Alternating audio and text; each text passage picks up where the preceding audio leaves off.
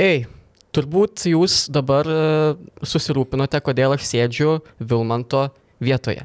Dėl to, nes jis nekenčia moterų. O šalia manęs šiandien būtent yra moteris.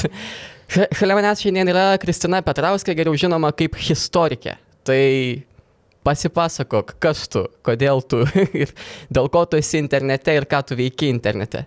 Internete aš atsidūriau turbūt kaip daugelis karantino metu. Šiaip aš esu istorikė muziejininkė ir karantino metu muziejai užsidarė. Mm, na, o muziejuose dažniausiai dirba idėjiniai žmonės, kurie mėgsta pasakoti istoriją, mėgsta pasiekti savo lankytoją. Na ir karantinas visus kelius pas tą lankytoją mums apkarpė. Tai pradėjome kelti daug visokio internetinio turinio ir bandėm atrasti daug įvairiausių nišų, kur dar galėtume savo kaip muziejaus istoriją sudėti. Na ir vienas jų, ką daro daug užsienio muziejų, buvo tik tokas, pakankamai Lietuvoje, na, man bent jau pakankamai nauja erdvė socialiniuose tinkluose ir jie pabandžiau tada kelti vieną kitą klipuką apie Lietuvos istoriją. Pirmiausia, tai dariau kažkodėl anglų kalba, bet, Okay. jo, e, bet po to perėjau į lietuvių kalbą ir atradau visai neblogą nišą, nes edukacinio turinio Lietuvos socialiniuose tinkluose yra maža. O ypač tokiame kaip tik tokas. Jo. Didžiai dar nevykėlė. Keletą, bet, nu, nežinau, ku- kuo toliau, tuo jų daugiau darosi, tai ačiū jiem, bet jo, kai pradėjau, tai O nebuvo. ką reiškia H? Taip ir galvojau, taip ir galvojau. Jo. Nenorėjau pasakyti garsiai to iš, iškart, bet vat, mintis tokia buvo. Iš kur čia toks nusivertinimas, kodėl taip? Um, gerai, tai mes su draugiam turim savo kitą puslapį, kuris yra nieko nesusijęs su istorija, bet jis vadinasi namų ponė. Mm. Ir kada jo, ir kada man reikėjo greitai susikurti savo alter ego istorikai, tai tiesiog e, alternatyviai perėmiau H priešdėlį, nes šiaip tos visos mūsų ponios, ar ne, irgi yra istorikės. Tai taip tiesiog ir perėjau. Ir iš tiesų, a, nu, negražiai skamba toks riebus keiksmažodis. O bet tačiau aš galvau, kad mano auditorija bus lygiai 30 žmonių ir niekas nekreips į mane dėmesį ir aš savo pati pasilinksminsiu. Bet jei yra 60 tūkstančių, tai paplokim O, jiems. well, 60 tūkstančių ir visi mane žino keiksmažodžių, žinai. Ok, e, bet mes kadangi esame ekrano vergai, mes esame kino podcastas, tai šiandien turbūt nuvilsim tiek ir savo auditoriją, nuvilsim tiek ir tavo auditoriją, nes čia nebus pilnai istorijos, nebus pilnai kino, bus tokia mėsmalė, mišrainė, kokteilis. Tai šiaip koks tavo santykis su filmais? Žiūri, randi laiko. Jo, žiūriu, gal ne tiek daug, kiek norėčiau.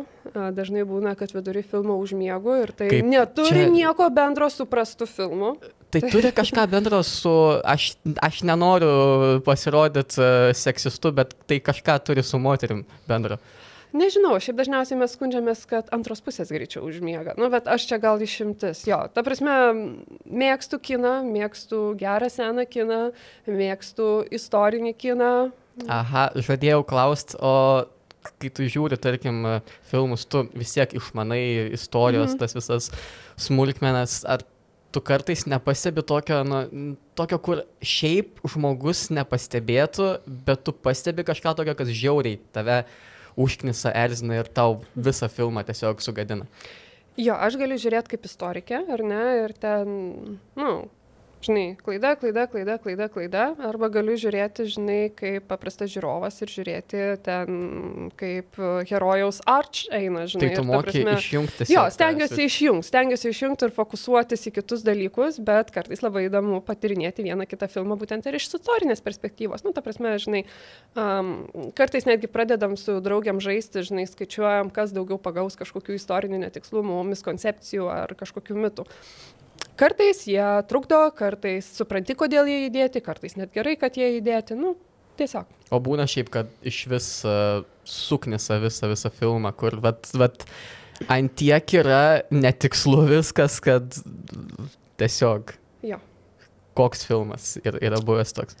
A, faktiškai turbūt kiekvienas Lilio Skoto istorinis ne, nu, gerai, gladiatorius, okei, okay, gladiatorius ten, okei, okay, ten faina istorija, žinai, ten daug tų yra niuansų, kur E, po to Les Duel yra visai nieko, bet vėlgi, mm. kadangi tai yra mano epocha, kurią daugiau mažiau aš tyriu, tai irgi ten, na, bet čia jau, žinai, jau labai priekabiai žiūrint. O pavyzdžiui, koks nors uh, jo Kolumbas, tai yra iš viso uh, ne tai, kad istoriškai netikslus filmas, bet visiškas turbūt didžiausio karo nusikaltelio whitewashinimas. Nu, Kolumas yra parodytas visiškai atvirkščiai. Visas istorinis, žinai, kontekstas yra perkreiptas 180 laipsnių kampu. Visi argumentai yra parodyti priešingai negu buvo ir paimti visi istoriniai mitai ir iškelti, žinai, į pirmą vietą. Nu, ten tai yra... Atrado jo. bičias tokią, tokią didingą šalį, ginklai, eleliai, nafta rock'n'rollas. Nu, nu jo, atrado, Kolumbas numirė galvodamas, kad jis vis dar atrado Indiją, žinai. Uh, faktiškai užsieminėjo holokaustų ir pedofiliją ir ką jis ten dar kam gero padarė. Nu, kam nepasitaiko.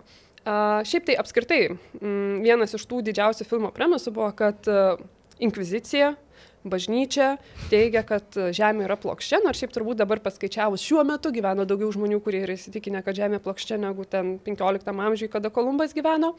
Na ir kad Kolumbas buvo toks drasus ir toks protingas, kad jisai sumastė, kad Žemė iš tiesų yra apvali, nors šiaip tą visi žinojo. Na nu, gerai, tą visi žinojo tie, kurie bent jau kažkiek mokslo buvo gavę. Na ir jisai bandė įrodyti, lyginamas jisai šiaip su Galilėju, ten yra daugiau mažiau, kad jis ten stos prieš inkviziciją, ten bla bla bla, ir jis buvo toks drasus, kad jis čia štai bandys įrodyti visam pasauliu, kad Žemė yra apvali ir, na, apiplauks iš kitos pusės yra Indija. Uh, bet ne, ką Kolumbas padarė, tai jis tiesiog biški apsiskaičiavo su, kaip vadinasi tas dalykas, žinai, žemės spindulys. Ne, spindulys turbūt... yra šitas, šitas yra, nežinau. Aš čia aš sėdžiu, ne nežinau, seim tai. ne, aš turbūt matkės egzamino neišlaikyčiau valstybinio. Oh, well. Uh, tai va, jisai apsiskaičiavo ir uh, galvoja, kad žemė yra mažesnė, negu ji buvo iš tikrųjų. O ta visa bažnyčia, ne, kuri ten tipo tokia labai tamsi buvo, žinojo tikrai. Normalaus uh, dydžio ta žemė. nu, kad žemė yra normalaus dydžio ir tu tiesiog nepaimsi ir iš Europos nenuplauksi iki a, Indijos, nes per didelis atstumas tu negalėsi pasimti tiek atsargų. O Kolumbas apsiskaičiavo ir sako, ne, Žemė yra daug mažesnė ir aš spėsiu, nu, apiplaukti. Ką nežinojo, ko nežinojo bažnyčia, tai nežinojo, kad yra dar visas kontinentas. Nu, ir viskas, žinai. Tai jie žinojo dydį, tik nežinojo kontinento. Žinojo dydį, nežinojo kontinentą. Bet okay. kuriuo atveju Kolumbas ne pirmas išsilaipino, nes praeitais metais buvo padaryti jau visiškai oficialūs e, datos tyrimai ir ten visokie kitokie a, genetiniai ir dendrochronologijos tyrimai, kurie įrodo, kad um, ar ne, iš dabar Nor Norvegijos, vienu žodžiu, faktiškai keliautojai pirmieji išsilaipino Newfoundlando saloje, kas buvo. Čia buvo jau Amerika. tie vikingai žinomi iš visų serialų History Channel, kur Nu, su tatuiruotėm prisivalgė grybų. Kainda, kainda, jo, čia turbūt antras dalykas, kuris mane erzino, tai yra uh, vikingų uh, vaizdavimas, ar ne, nes uh, mes turim tik vieną rašytinį šaltinį, kuriame yra uh, mm, rašoma, kad vikingai buvo uh, dengti piešiniais, bet nu, niekas nesako, kad tai buvo tatuiruotės, žinai, nu, dengti piešiniais. Ir tie vikingai, kurie buvo dengti piešiniais, jie pasirodė Konstantinopolį, tai yra Kievo Rusios vikingai, o ne Skandinavijos vikingai. Tai, Jo. Betgi žiauriai cool, nu turi viską suaštrinti. Man šiaip aš turiu tokį guilty kinda pleasure, žiūrėti tuos tokius labai iškraipytus istorinius filmus kaip uh, Kingsman, kur tiesiog mm -hmm. Rasputinas ant stalo šoka ir burtus rodo. Kaip tau tokie filmai? Man tokie filmai netgi labiau patinka. Uh, iš tiesų, tarkim, kartais būna tokie filmai, kaip tarkim Apokalipto, ar ne, Melo mm. Gibsono, tam irgi reikėtų plot, uh, kaip jisai daro istoriją, kine, žinai. Um, kai žmogus pasižiūri tokį filmą kaip Apokalipto, jisai įsivaizduoja, kad va taip ir gyveno Mezoamerikos civilizacijos. Ten yra visiškas falsifikatas, ten yra tokia nesąmonė, kad net neeina suprasti, žinai. O pateikta, žinai, vos ne kaip istorinė tikrovė, ne, ir kaip yra tas filmas pristatomas, kad čia senusios kalbos naudojamos, ten vienu žodžiu viskas taip, nu, jau tikrai labai. Ne. Visų pirma, ką jie vaizduoja, tai jie vaizduoja m, mm, taip vadinamąją Maja collapse laikotarpį, tai kada žlunga didžioji Majų civilizacija ir tai vyko kažkur 900 metais po Kristaus, ne? Jie vaizduoja tą laikotarpį, bet paima kažkodėl actekų papročius ir actekų kultūrą, kuri dar net nebuvo susiformavusi, kada gyveno šitą majų civilizaciją, būtent va šitam laikotarpį, tada jos sumešina. Ir tai vyksta 900 metais. Visi vienodį. Bet, Tie lotynai. bet jau ten yra a, raupai, bet filmo gale ten atplaukia konkistadorai. Tai tarp 900 metų ir Konstantadoro atplaukimų yra 600 metų laikotarpis. Tai yra lygiai tas pats, kai koks nors Melas Gibsonas statytų filmą apie Žalgirio mūšį ir jam vadovautų nausėda su dūda. Why not? Why not? Nu, ta prasme, bet žiūrovas... Skamba gerai, žiūrėčiau, mokėčiau Žiūrėtum. pinigus už šitą. Jo, kaip dūda melstusi, o nausėda. Jo ne, pusę- nausėda už nugaros prisėlina. Jo, skirtumas būtų tas, kad nausėda uh, aukštas ir gražus, Vytautas buvo žemas ir gražus. Gražus, apsi, apsirėdytų moterim. Jo, jo. O šiaip a, įmanoma pasimokyti iš filmų kažko, ar, nu, ar galima va taip įsijungti kokį nors filmą vietoj tiesiog dokumentinio ir vat pamokoju rodyti, tarkim. Ne. Ne, ir čia yra labai didelė problema. Kaip tarkim, tą patį apokaliptą rodo pamokose ir važiuokit, kaip buvo. Arba, uh, tarkime, labai buvo madingi filmai, uh, ten serija trijų, man atrodo, apie Elžbietą pirmąją, ar ne? Ten uh, jau Elžbieta ir Šekspyras, ar Šekspyras įsimylėjęs Šekspyras, nu vienu žodžiu, trys tokios kostiuminės serijos, kurios irgi visiškai iškraipo istoriją. Bet Didžiojo Britanijoje vos neprivalomai, žinai, per pamokas vaikiukai išė žiūrėkite. Nors tai O kažin, rodo tavo, tarkim, tik tokus. Žinau, kad rodo. Rodo. Žinau, kad rodo. Nes pamenu, buvo, kai šventinis Bankuchenas kadaise išleido istorijos repą, jo. kiekviena mokytoja jau būdavo ta, kur, nu vaikai, šiandien aš būsiu hip ir kieta, Jo. parodysiu jūsų kultūros, jie. Yeah. Ir, ir tiesiog kiek, kiekvieną pamoką vos ne, nu, pasiklausom, pasiklausom. Tai va tik tokus dabar rodo. Jo, jo, rodo, žinau, kad rodo. Tai, tarkim, ateina e, pas tave į, e, tarkim, muziejų ir e, va, vaikai kokie ir tu tai iš tik toko. Jo, būna, būna. Tiesa, manęs muziejai daugiausia nemato, nes aš dirbu muziejaus rinkiniuose, Ai. fonduose, giliai pasislėpusi tarp visokių šautuvų ir kitų fainų dalykų, kas yra saugoma karo muziejai. Bet jo, būna, kad čia, o, čia šita. Šitą iš tik toko. Jo, jo. Gerai, pradėjom kalbėti jau apie tas tokias klaidas, ypač apie Melo Gibsono klaidas. Tai aš čia šiek tiek parinkau tokių, e, tokių kaip ir klaidelių filmuose ir iš to mes galėsime išvesti istorijos pamokėlę apskritai. Mm. Tai e, išmoksite ir apie kiną šiek tiek, apie jo nusišnekėjimus ir apie šiaip istoriją. Tai mm, pirmas, kas man žiauriai, žiauriai stringa, kodėl visi yra tokie švarūs, lygia oda, su pervolai išskalbtais rūbais, baltais dantims spindinčiais, be jokių pleiskanų, utelių ir viskas. Kokia buvo, ar pagal to meto ten viduramžiai panašiai e, higiena iš vis įmanoma, kad žmogus atrodytų kaip Keira Knightley? jo. Įmanoma? Jo, žmonės buvo švarūs. Aps, apskritai, čia gal priešingai sakyčiau, miskoncepcija yra purvini žmonės. Okay. Tai prasme, jeigu mes kalbame, vėlgi, apie kokį laikotarpį mes kalbame. Na, paimkim viduramžius. Žmonės buvo švarūs. Žmonės Viduramžiais žmonės maudydavosi, prausdavosi, pirtys būdavo, um, hygiena buvo svarbu. Aišku, žmonės tą higieną užsiminėjo tiek, kiek jie galėjo užsiminėti, mhm. juk nebuvo kanalizacijos, nebuvo ar ne vandens iš čiaupo, kokie mes būnam kvapnus praleidę, nežinau, savaitgalį granatose, pavyzdžiui. Nu, nu irgi ne kažką, bet žmonės prausėsi, tikrai jie uh, higieną rūpinosi, jie valėsi dantis, jie šukavosi, jie plovė galvą, jie turėjo kažkokias kosmetinės priemonės, atlikinėdavo kosmetinės procedūras. Nu, jos mums gal atrodytų jokingos, bet jie tą darė. Dantys buvo balti. Dantys gedo, bet iki cukraus at- atsiradimo jie gedo kiek kitaip. Tiesiog buvo valgomas labai rupus ma- maistas, kuris nutrindavo dantis. Ir dantis tiesiog sutrumpėdavo ir atsiverdavo šaknis faktiškai. Ir tada puliniai ten visokiai įsivarydavo. Nu irgi buvo žiauru, bet jie dar buvo pakankamai balti. Oda irgi buvo galima visai normaliai turėti. Aišku, ten raupai, visa kita, ten randeliai, bet nu, Randai Tai man labiau puošia. kerta, kai rodo super purvinus žmonės, o ne super švarius. Okay. Tai pakalbėkime dabar apie stilių, aprenkime tuos švarius mhm. ir purvinus žmonės. Tai čia yra pirmasis Melo, Melo Gibsono bandymas istorikų pabūti, tai yra Braveheart, narsioji širdis, uh -huh. You Will Never Take Our Freedom. Tai uh, Viljamas Volsas gyveno apie 1300 1300 metus. 13-14 amžiaus sandūroje. Jo, bet kiltai nešiojami jo atsirado 16 amžiuje. Jo, ir apskritai kiltai tokie, kaip net šiandieną yra kiltai, tai yra dar vėlesni kiltai. Prieš tai kiltus tokius, kas iš viso yra tik tais didelis medžiagos gabalas, kuris galėjo būti ir sionas, ir kartu skraisti, ir dar ant galvos užsimdavo, ir būdavo iki žemės, nešiodavo tik tais taip, vadinamieji kalniečiai faktiškai. Ir Volisas, kuris buvo kilmingas žmogus, jis tikrai taip nesirengtų. Jie buvo su kelniam normaliai, ten apsirengę net skirtum nuo anglų. Ir prie to pačio jie tikrai nesidažė mėlynai veidų, nes mėlynai veidus dažėsi piktai, kurie gyveno gyveno Škotijos teritorijoje tada, kada ten gyveno, na, bandė gyventi ir veržėsi romėnai. Tai dar tūkstantis metų atgal su viršum. Tavo manimu, kodėl yra taip, taip pat sunku, kuriant filmą, kurio tenai biudžetas keliasdešimt milijonų, nusisamdyti tiesiog istoriką, kuris tave išmokytų apie rūbus, šarvus, makiažą, šukuosnes.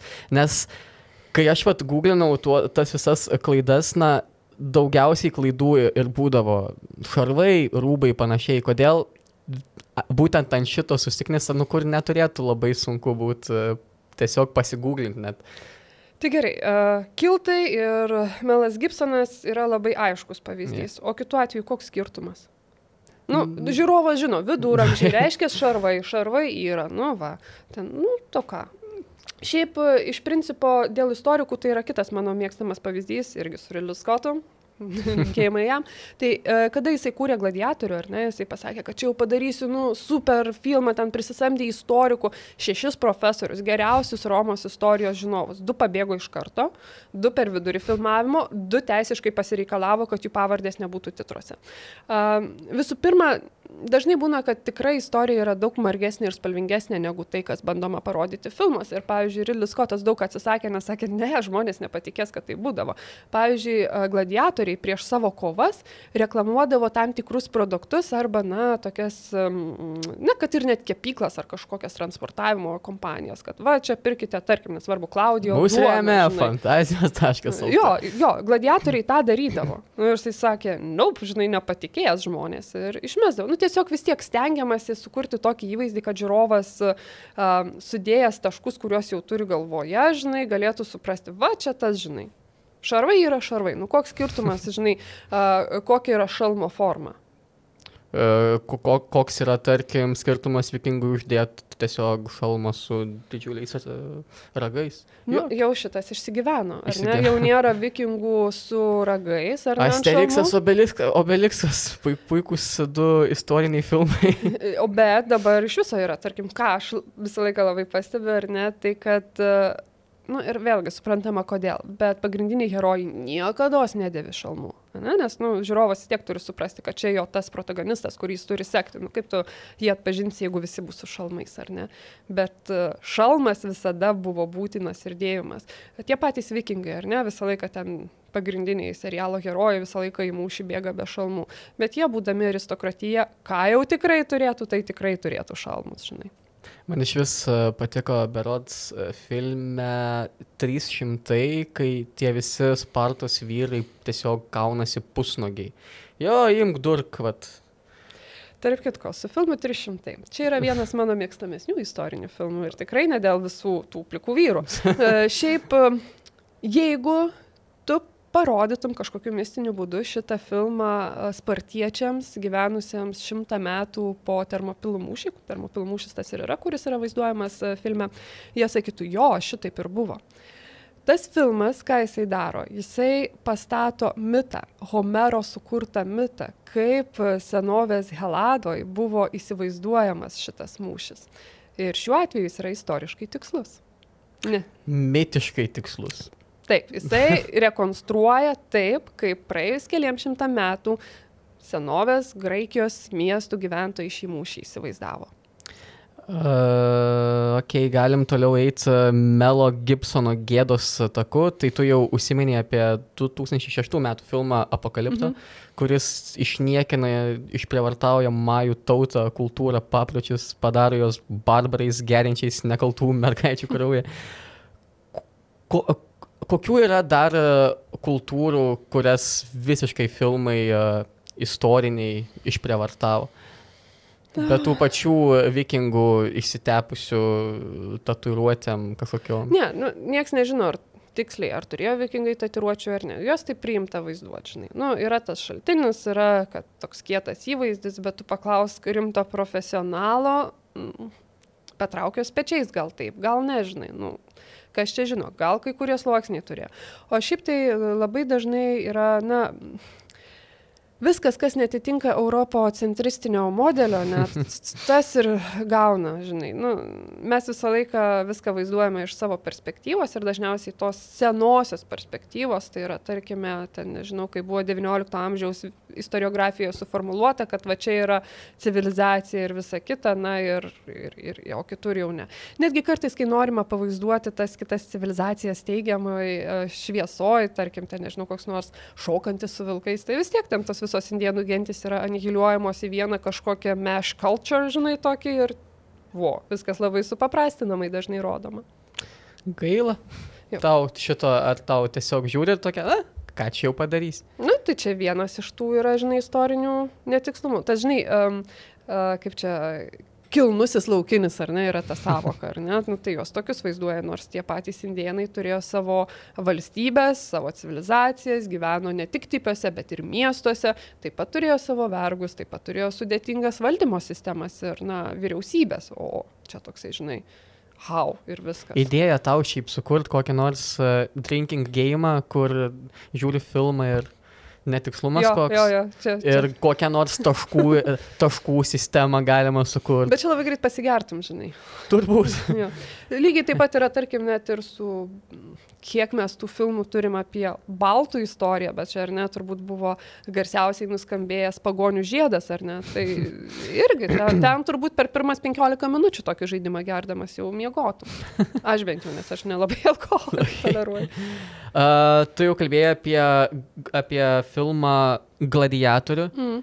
Tai tenais vienas netikslumas buvo, kad Džokino Phoenixo įkūnijamas komodas, na, jis mirė tenais kovoje. Mhm. Iš tiesų pagūglinau, kad jis buvo pasmauktas vanioje savo mylužio narcizo. Jo. Bet kadangi homoseksualumą išrado 21 e, amžiuje tik tokeriai ir neegzistavo niekada jis, kaip taip gali būti. O šiaip tų homoseksualumo apraiškų ar labai daug būdavo, tarkim, valdžios tarpe, kad ir pas mus Lietuvoje kunigaikštysės te atert. At, tavo žiniom yra kokių raštų, metrašių ir mhm. panašiai? E, raštų yra, kaip pasakyti, beveik kiekvienas Lietuvos didžiosios kunigaikštystės valdovas buvo apkaltintas homoseksualiais santykiais, įmant net ir tokį mačo kaip Jonas Obieski, ten visiems kliuvo, bet tai buvo toksai tropas. Ar buvo homoseksualių mm, valdovų, nu yra diskutuojama, ar pavyzdžiui Henrikas Valua buvo homoseksualus ar biseksualus, ar ne. Po to, e, kas čia Stanislavo Augusto Paniotovskio tokie fiši santykiai yra su juo, ten vienu britų patronu, kuris jį po to pakišo būtent Rusijos imperatorieniai užmė į lūžį, žinai, nes pats sakė, sorry, nope. O po to um, jo gailos šitas Vladislavas Varnietis sūnus, ar ne, ten su tokia Jan Senka savo sekretorium, ten kai žuvo, ten depresijoje buvo. Nu, vienu žodžiu, ten yra, yra, yra, bet vėlgi tai yra svarstymai ir hipotezės. Niekas negali, žinai, būti šimto procentų tikslus. Nu, išskyrus Henriką Valuo. Šiandien, e, kai mes, kai mes dabar vat, filmuojam, įrašinėjam, e, yra tokia diena, didi, Gorbačiovas mirė. Tai yra daug apie kitą diktatorių išgamą, apie Adolfą Hitlerį, tokių irgi seksualinių mitų. Ja. Koks yra keiščiausias, ką esi girdėjęs. Nes man tai patiko, kad jis savo neįgalę pusės ir atvirkindavo or some shit. Uh, va, some shit, uh, kad jis mėgdavo, kai jam į burną kakodavo. Šitą esu girdėjęs. Two girls, one cup. Jo. Pasižiūrėkite, pasigūkite. Two, two dictators, one cup galima žinoti. Okay. Uh, Tęsim toliau. Uh, Žalioji Milė, nors nėra jisai istorinis mm. filmas, bet vis tiek uh, jis vyksta 1935 Louisianoje ir tenais naudojama yra elektros kėdė, kuri, kuri Louisianos valstijoje atsirado tik kem pirmais metais. Tai uh, kokių tu įdomių mirties bausmių žinai, tokių crazy apskritai per visą istoriją, kad ir tarkim Lietuvoje, kas būdavo tokio? Gerai. Dabar, jeigu kalbėti apie Lietuvos didžiąją kunigaikštystę, tai vėlgi reikėtų atskirti iki, na, faktiškai Respublikos susikūrimo ir kada buvo ta kunigaikštystė, kunigaikštystė, žinai, kur ten Vytautas valdė. Na, tai, pavyzdžiui, Vytautas mėgdavo um, duoti tiesiog meškom sudraskyti, pavyzdžiui, kas jam ten nepatiko. Nu, o uh, vėliau tai buvo pakankamai civilizuoti būdai, tai yra galvos nukirstinamas arba pakarimas. Tiesiog aikštė. Ir uh, tarp kitko, tuo metu tai buvo pakankamai civilizuotas uh, būdas, šiaip dar yra tas, vėlgi, čia yra, uh, kada aš pasakau ketvirčiuoti, visi įsivaizduoja, kad tai yra ta bausmė, kada arkliai ištampa, žinai. Tai nėra. Įsivaizdavau taip būtent. Ketvirčiuoti yra ta bausmė, kada yra nukertama viena koja, kita koja, viena ranka, kita ranka ir tada va, čia yra ketvirčiuoti. Tau dar esant gyvam. Tau dar esant gyvam. Uh, jo. Um, net nežinau, kaip lietuviškai reikėtų tą su arkliais ištampimą įvardinti, ar ne? Ištampimas.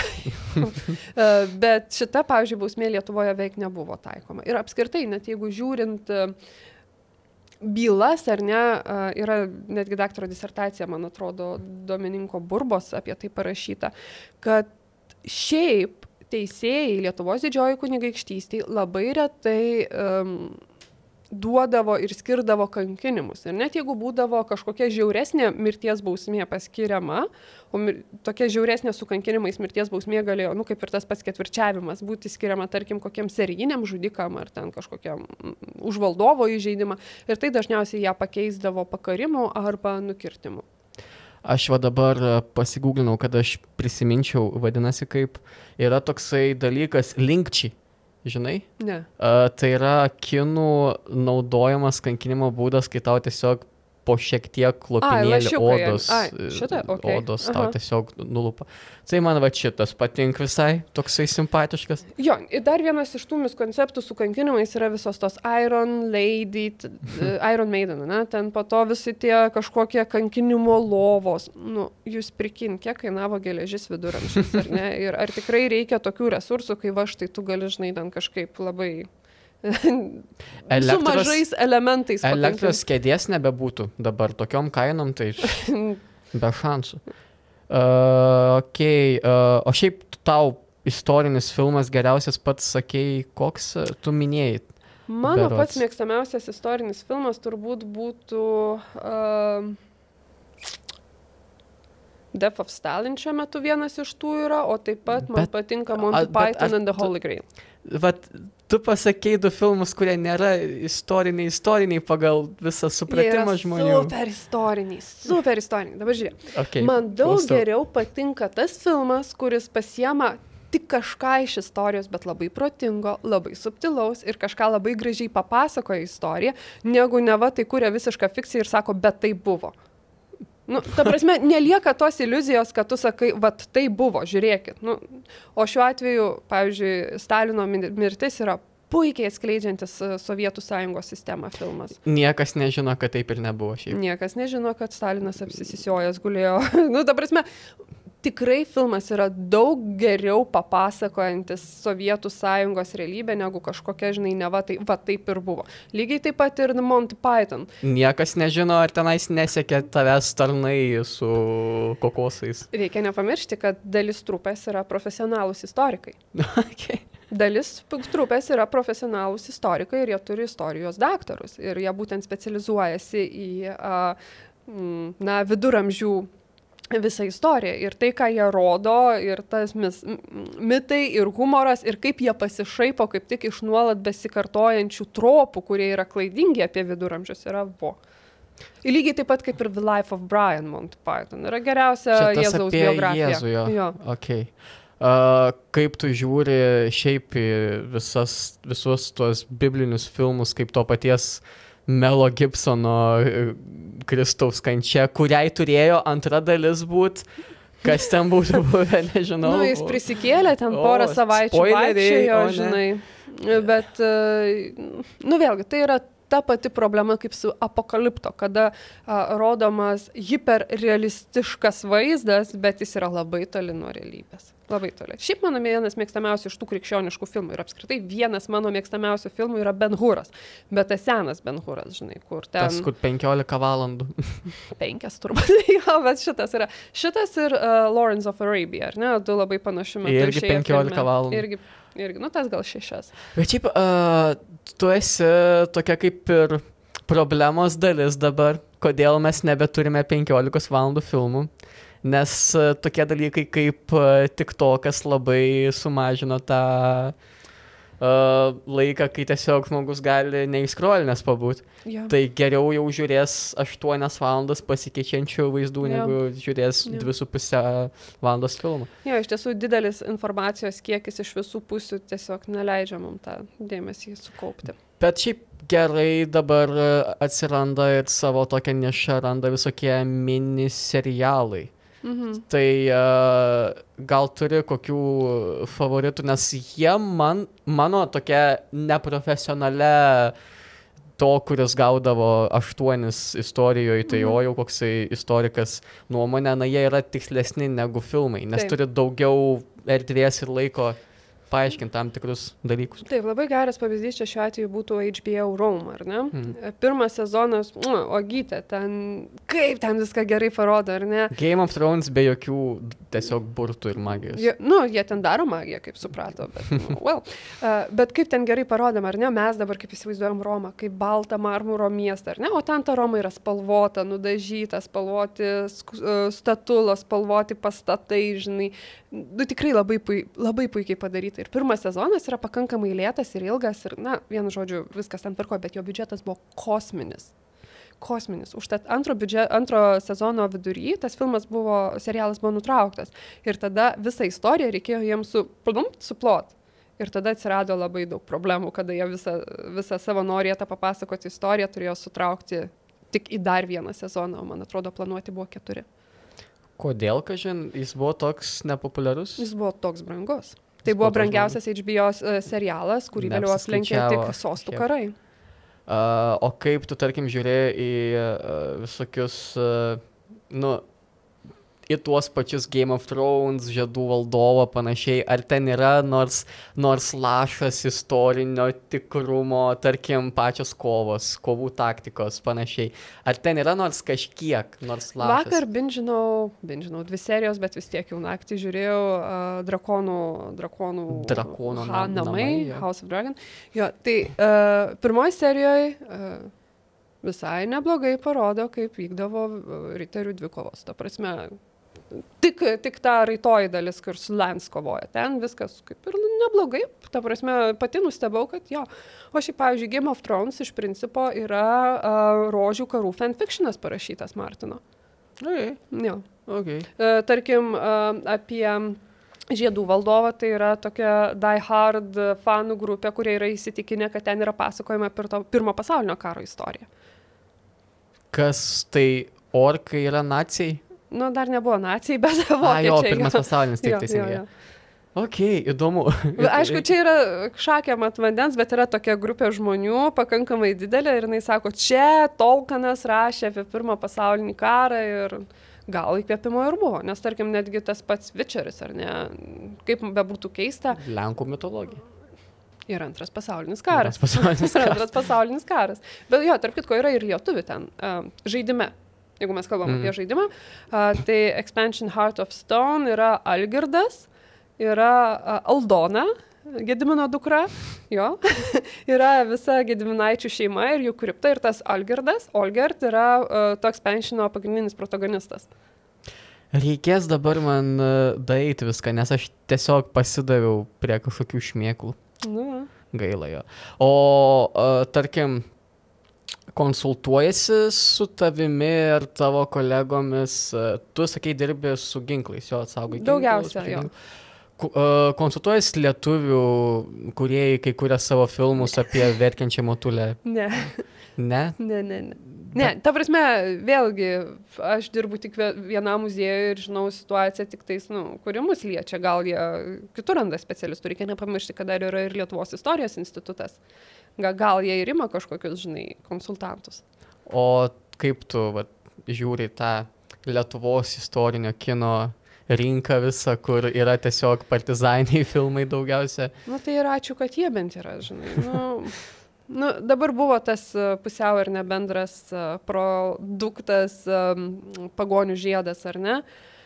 Nu ir ten, nu, nu, pastatė taip, kaip įsivaizduoja, kad tie baltai gyveno, žinai, ten kažkokia baltų sąjunga, nors iš tiesų tai lietuviai ten nemažai Ne, nesvarbu. tai nebuvo jokios, žinai, Baltų sąjungos, nebuvo jokios Baltų tarybos, kiekviena gentis buvo savo, nebuvo kažkokio jokio bendrumo. Patys Žiemgaliai ir kitos ten Latvijų gentis dar ir visai džiaugiasi iš pradžių, kad tie kryžiuočiai jas plaukia, nes nu, nuo tų žvėrių lietuvių bent jau apgins. Uh, ten vėlgi tie baltai lietuviai ir žiemgaliai tatiruoti vikingų mada. Uh, dar vienas, kuris man labai patiko, žinai. Atplaukė kryžiuočiai, tai jie visi yra tvarkingai nusikirpę, apsiskutę, žinai. Nors pagal kryžiuočių ordino regulą jie turėjo turėti ilgus plaukus ir ilgas barzdas. Jie negalėjo skustis. Tuo tarpu lietuviai, ar ne, rodomi kaip tie, žinai, iš maironio eilėraščio, kur lietuviai barzdoti dumoja. Nors lietuviai visuose aprašymuose yra visą laiką rašomi kaip švariai apsiskutę ir trumpai nusikirpę. Prūsai tik tais gal dar ūsus nešiojo. Tai va. At, nu, nu, žinai, su tom savo barzdom atrodo kaip... Kiečiau atrodo, kiečiau jo, atrodo. Jo, jo. O čia buvo planų kurti filmą apie Žalgerio mūšį, čia milijoninis biudžetas, čia la la. la. Yra, yra, toks dokumentinis sukurtas. Uh, bet berods bet... žadėjo vaidybinį, bet ne, ten ne. negavo rėmimo pinigų. Mm. Ar tu nemanai, kad tokie filmai, nu jie būtų šiek tiek vis tiek uh, nuvilintis, jeigu jie būtų istoriškai tikslus? Na, nu, žinai, geriausiu atveju būtų, tipo, nu, kaip lietuviams tai gerai, žinai. Dabar, tarp kitko, rudenį turi išeiti filmas apie Jan Žičką. O Jan Žička uh, buvo buvo Bohemijos karių vadas, kovojusių Lietuvos didžiosios kunigaikštystės pusėje Žalgirio mūšį. Ir filmas ten holivudinis, su holivudiniais aktoriais. Ir tas Jan Žička, jis yra, mm, nu, turbūt iš viso pats kiečiausias viduramžių riteris Europoje, žinai. Tai va irgi labai įdomu, kas bus. Kiek mačiau uh, trailerį, tai ten bus toksai Nu, višgi nuvilintis siužetas, nes žmogus yra didesnis negu istorija gali papasakoti ir, ir ne, negu visi mitai apie jį, o ten viskas gausis dėl moters. Įdomu, kaip šiaip parodys mus. Lietuvius. A, tai dar net neaišku, ar mus rodys. Kuokom ar su... Tai dar neaišku, kaip mus rodys, nes, nu, Žalgiro mūšis yra tik jo karjeros pradžia. Kadangi nėra, kaip jau išsiaiškinom, pakankamai padarių filmų apie Lietuvos istoriją, tai pažaiskim žaidimą tokį. Turiu aš tau tris uh, tokius kaip ir filmus. Tai vienas būtų komedija, vos ne Monty Python mhm. tipo, kitą galim padaryti ilgą keturių sezonų serialą su visom intrigom panašiai, mhm. o trečią iškraipytos fikcijos, kaip yra Kingsman, kaip yra De Death of Stalin, kaip yra Abrahamas Lincolnas mm. vampyrų. Uh, Ir šitas yra turbūt žudikas. vėlgi geriausias filmas apie Abrahamą Lincolną. Taip, nes Lincoln, pats, pats filmas Lincolnas, jisai laikomas vienu istoriškai tiksliausiu, kiek esu matęs, bet koks nuobodus, išveda koks nuobodus. Tai va, turim uh, išsityčiojamą, uh, fantastikos uh, iš, iš, iškraipimą, turime uh, tikslų, kur gali parodyti viską, keturi sezonai, milijardinis biudžetas ir turim uh, komediją. Tai va, uh, tau reikia pasirinkti istorinius, uh, istorinius įvykius, mhm. reikia pasirinkti aktorius, kurie vaidintų, ką tu turi. Biudžetas begalybė, Svetbankė begalybės ženklas, aktoriai tinka irgi bet kokios mhm. tautybės, gyvi, mirę, čia tavo iš vis vaizduotės reikalas. Tai nuo ko nori. Gerai, Realiai. epas. Epas. Gerai. Epas. Tai yra mano mėgstamiausia apskritai turbūt istorijos tokia uh, nišelė visoje Lietuvos istoriografijoje, tai yra Vaišelga. Žinai Vaišelga? No idea. Mindaugas, žinai? Taip. Tai va, Vaišelga buvo Mindaugo sunus. Mindaugo tikriausiai pirmagimis sunus, kuris uh, buvo tam tararam vienuolis. Okay. Jo, ir jisai um, Na, vienu žodžiu, jeigu labai trumpai papasakoti, tai jisai buvo vienuolis, e, Mindaugas vedė antrą kartą, ten kažkiek vaikų susilaukė, tarp jų ir Ruplis ir Rupeikių, vėliau Mindaugas su tais dviem sunim nužudomas ir lieka Vaišelga. Dar Vaišelga turi ir seserį, tai yra Mindaugo irgi dukra iš pirmos arba antros santokos, nes, nu, nežinau. Ir e, vienu žodžiu, ir, ir e, tas Vaišelga nusprendžia, kad, nu, reikia keršyti už tėvą. Tada jisai pasiema uh, Jis buvo vienuolis, jis nusiema abitą, prisiekė, kad tris metus keršys, po to grįš į bažnyčią, pasiema švageriuko kariuomenę ir varo į Lietuvą keršyti. Keršiai žudo visus, gyvi lieka du. Siuksė, kuris pabėga į Latviją ir Daumantas, kuris vėliau, Daumantas beje tas pagrindinis Mindaugo žudikas, kuris turbūt ir nužudė patį Mindaugą. Čia tas, kur majonezą sukūrė po to. Taip. Taip. Ir dar jisai pabėgo į Pskovą ir tapo šventuoju. Ir šiuo metu vis dar yra šventasis. Tai va. Ir tas vaišelga, vienu žodžiu, čia keršė, terioja tą visą žemę, Game of Thrones dalykai vyksta ir va apie tai daryčiau tą epinį seriją. Ep... Kas vaidintų vaišelgą? O nežinau, nes mes nežinom, kaip Vaišelga atrodė. Žinom tik tai, kad Vaišelga, kai buvo pagonis, buvo a, labai, kaip čia pasakyti, labai piktas ir liūdėjo, jeigu per dieną bent vieno krikščionio nenužudydavo. O to netgi darė piligrimystėje į Atono kalną. A, ką žinau? Dveinas Johnsonas. ne, Dveinas Johnsonas, Daumantas galėtų būti. Gerai. tiktų, tiktų, tiktų majonezą reklamuoti, žinai. Kas galėtų Mindaugų būti? Mindaugas galėtų būti Ką žinau? Mes turim laiką, mes turim laiką. Aš palauksiu. Aš nežinau, kas galėtų būti Mindaugas. Na gerai, Mindaugas e, kažkur turėtų būti 60 metų. Ar ne? Tai... Russellas Crow. E, aš kažkodėl Mindaugą įsivaizduoju kaip hūdą. nu, ta prasme, tokį sudžiūvusi dėduliuką. Kažkas Beilas, jis gali svorio priauktis, gali svorio. A, jo, jo, šitas, šitas, jo. Vaišelga pagal visus e, serialų dabar standartus turėtų būti juodaodis. Juodaodis arba šinbymas, nes vis tiek ant galo jį nužudys. Teisingai. Bet jis per senas. Nu, kodėl? Nu, jo. Tai Mindaugas tada galėtų būti. Okay. Ja. Ir kiek čia būtų sezonų? Tarkim, suskirstik visą šitą istoriją sezonų. Gerai, tai pirmas turėtų būti, žinai, įsimylim savo protagonistą ir Mindaugas suvienyje, suvienyje Lietuvą, žinai, pirmas sezonas, nu čia sekam, tarkim, Rom tradiciją, ar ne, kai yra kuriama Respublika, tai čia kuriama Lietuva, ar ne, pirmas sezonas. Antra, nu, ir aišku, cliffhangeris, kad paskutinta serija jis yra nužudomas ir kas čia bus. Antras sezonas Vaišelga Keršė, Nu ir trečias sezonas - Vaišelgos, žinai, žutis. Trys, tarkim. Ok, aš tai sugalvojau, kad aš kurčiau tokį kaip Lokis serialas, kur išėjo tas Disney. Mhm. Plus. Aš kurčiau apie jo gailą, nes jis buvo visur. Ir jis toks, e, šiaip, e, jūs gal, jūs gal tenais istorikai daugiau žinot. Mes pat paprasti žmonės matom jį kaip tokį suktą, kur machinacijas visokias panašiai, tai vat, aš kurčiau apie jį ir gal aš padaryčiau jį net uh, keliautoje laiku, kuris uh, vat, suknisa reikalus visus ir dėl to vat, lietuvėlį yra vat, su konservatoriais dabar.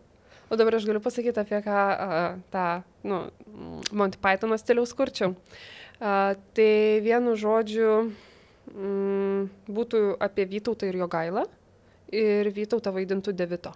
Devito. Yes. Ir jisai persirengtų moterim vieną kartą. Taip, būtinai. Labai gerai. Ir čia, bu, o būtų žalgerio mūšis, bet labai labai komiškas ten po popieriniais kokiais kartais. Nežinau, bet būtų tikrai ta scena, kaip Vytautas bando sudeginti Vilnių. Okay, bando. Nu, šiaip pusė ir sudegino. Įsivaizduoju, įsivaizduoju debito tiesiog su tokiu kanistriuku pilantį bandantį. Uh, apie ką aš kurčiau komediją? Vai, aišku, vaidintų būtinai komedijoje Rudokas, be jo aš negaliu įsisukti. Apie Dekanidze komediją, apie jo paskutinės dienas kameroje ir kaip jis uh, su savo įsivaizduojimu draugų kalba. Puiku. Taip. Nu, ir ko... liko fantastinis filmas. Fantastinis filmas. Daryčiau, ką nors steampunkiško apie XIX amžiaus slaptasias organizacijas. O buvo Lietuvoje daug tų visokių masonų ložių ir iliuminatį. Pavyzdžiui, Lietuvoje buvo net moterų masonų ložė, mopsų ložė, jinai vadinosi. Mopsų ložė. Jo, nes kai norėdavo įstoti į tą mopsų moterų masonų ložę, tau reikėdavo pabučiuoti masonai užpakalį.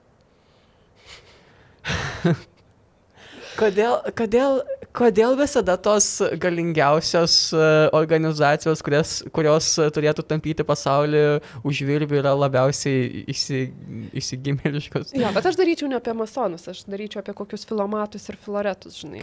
Kas tai yra, paaiškink mūsų klausytėms. Gerai, tai uh, po sukilimo ir na, dar prieš sukilimą buvo um, uždraustos uh, tautinės patriotinės organizacijos, bet Vilniaus universiteto studentai, pavyzdžiui, garsiausias jų Mitskevičius, vis tiek a, turėjo slaptas draugijas, kuriuose puoselėjo Lietuvos didžiosios kunigaikštystės kultūrą ir ten visokias viltis apie laisvę vėl ir demokratiją ir respubliką. Ok. O kas vaidintų? Kokią čia komandą paimtum? U, gerai. Kas būtų... Johnny Deppas tiktų, manau. Steampunkas, Johnny Deppas. Pamiršau pavardę, uh, kas vaidino Polar Trades. Uh, Mm. Šitas, šitas būtų Mitskevičius jaunas. Jo, ok. Bet žinai apie ką aš, ar ne? Jo, žinau, bet dabar irgi tas toks smegenų bezdalas. Aš norėčiau padaryti X-menus, tokius kaip mutantų superhero teamą, bet iš partizanų. O, jie netgi turėtų savo slapyvardžius, Taip. savo vardus čia to. Tigras virstų tigru tiesiog Nu. a, ir kovotų prieš piktuosius rusus. Nu. O rusai neturėtų galių, jie tiesiog e, bandytų įsikviesti kokį šetoną ir dvasis. Jo, būtų fan. Šiaip, kodėl, kodėl vat, Lietuvos kuriejai kino yra, nu, nebando kažkur vat, giliau eiti ir nebando tokios fantastikos įjungti. Kodėl vat, yra ta verkianti motulė, kuri laukia savo sunaus grįžtančio. Todėl, kad toks yra mūsų istorijos tropas. Mes esam ta uh, vargdienių lietuvėlė, žinai, kur yra rūpintojėlis, va toks rymo, tai va yra toks mūsų istorijos suvokimas. Kažkada, kažkada, ar ne, tai kai mes kalbam apie XIX amžių, mes save supratom, kad mes esam tie kieti, kurie nukariavo LDK nepasiskelbusi imperiją, ten, o mes, žinai, sarmatai, ten prieš tai romėnai, žinai, nu, kad mes galim ir, žinai, o dabar tas mentalitetas suformuotas, tarp kitko, tarpu kariu, remiantis dar Rusijos imperijos propaganda, padarė mus tuos Lenkų nuskriaustais ir rusų uh, gelbėjamais vat, šitais rūpintojėliais. Ir mes vis dar kažkodėl sekam šitų tropų. O manai, kad tavo daromas e, turinys, kuris yra šiek tiek toks nutaikingesnis, nerodo tos e, istorijos rimtai ir kad, oi, čia buvo tas, verkė tas, mirė tas. E, Ar tai daro kažkokią įtaką ir galbūt po kokių dešimt metų, žiūrėk, jau mes į istoriją irgi žiūrėsim pozityviau ir galėsim netgi tokius kaip tas pats Vaišelga, apie kurį aš nežinojau nieko, kuriami dalykai gal bus.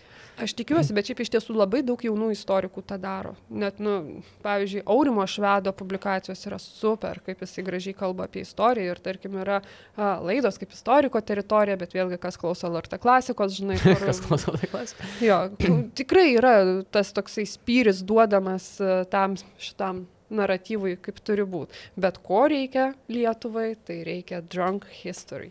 Drunk History. Jo. Jo, čia tas uh, serialas ar uh, projektas, kur...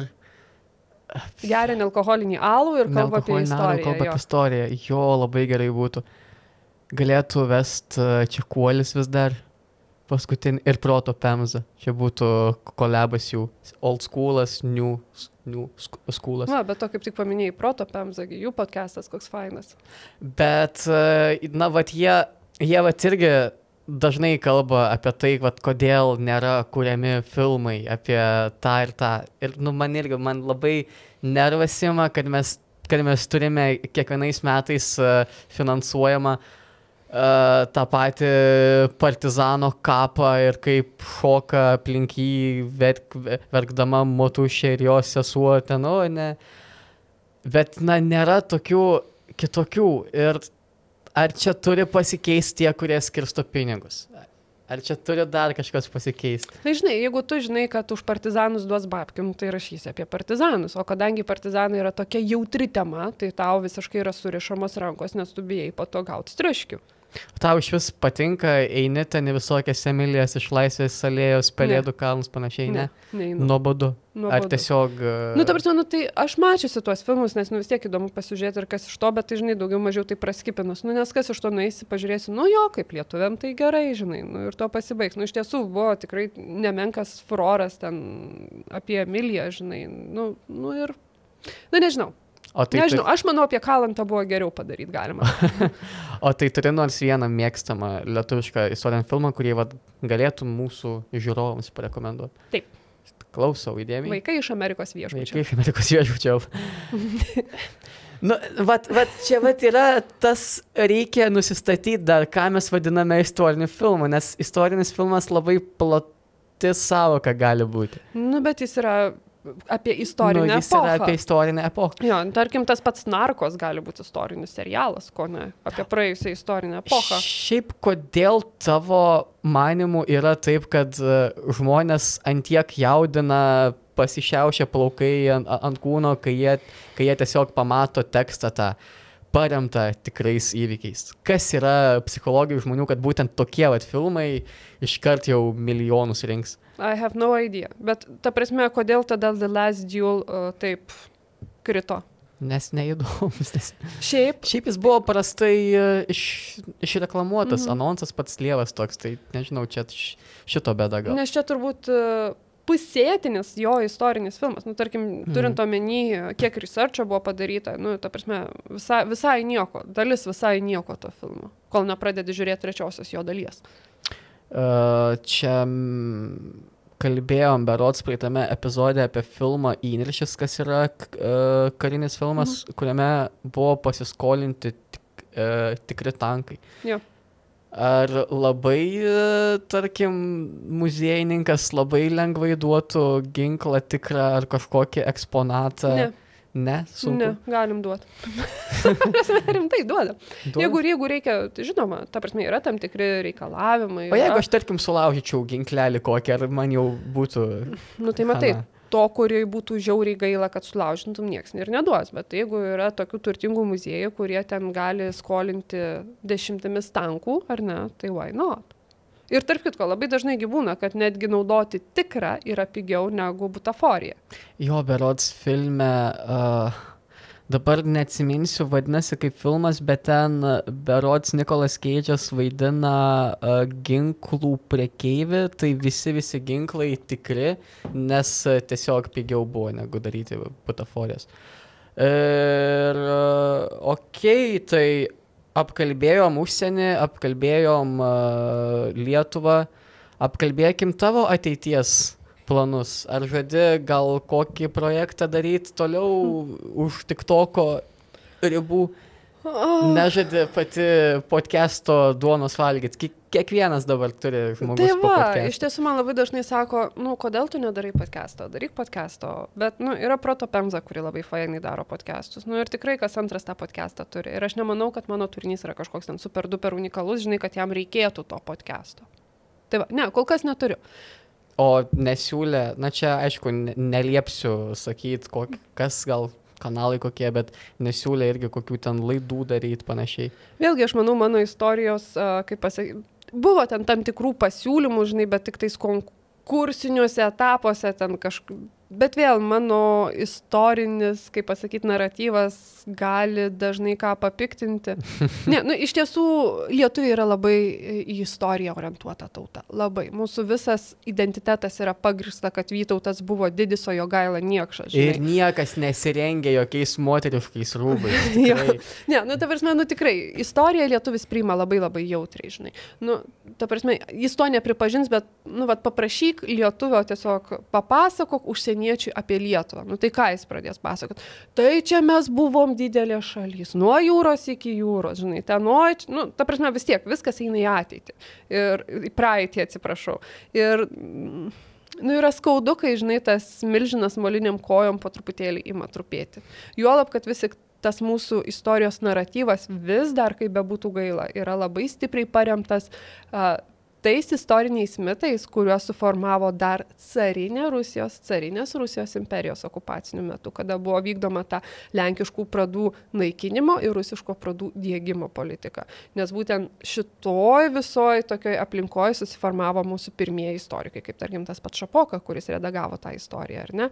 Ir netgi dar universitete, kada buvau į katedrą ateidavo laiškai, kodėl jūs studentų nemokot Šapokos istorijos, žinai. Bet istorija keičiasi. Istorija keičiasi nuolatos, keičiasi jos interpretacija, atsiranda naujų faktų, atsiranda, žinai, mm, kažkokios uh, naujos tendencijos, kurios yra, na, pridedamos prie tų interpretacijų. Ir jeigu kažkas išmoko istoriją kaip kažko, na, nepajudinamo, jam yra labai sunku suprasti, tai kodėl dabar jo gaila buvo blogas, o dabar jam kažkas sako, kad ne, jo gaila kaip tik geras buvo. Kaip istorija gali pasikeisti. Bet žmogui vis tiek sekt turbūt istoriją ir šiek tiek turėti tą tokį prisirišimą. Na, aš nekalbu iš, tarkim, profesinės pusės kaip tu, bet tarkim, esi tiesiog paprastas Lietuvos ar kitos šalies pilietis.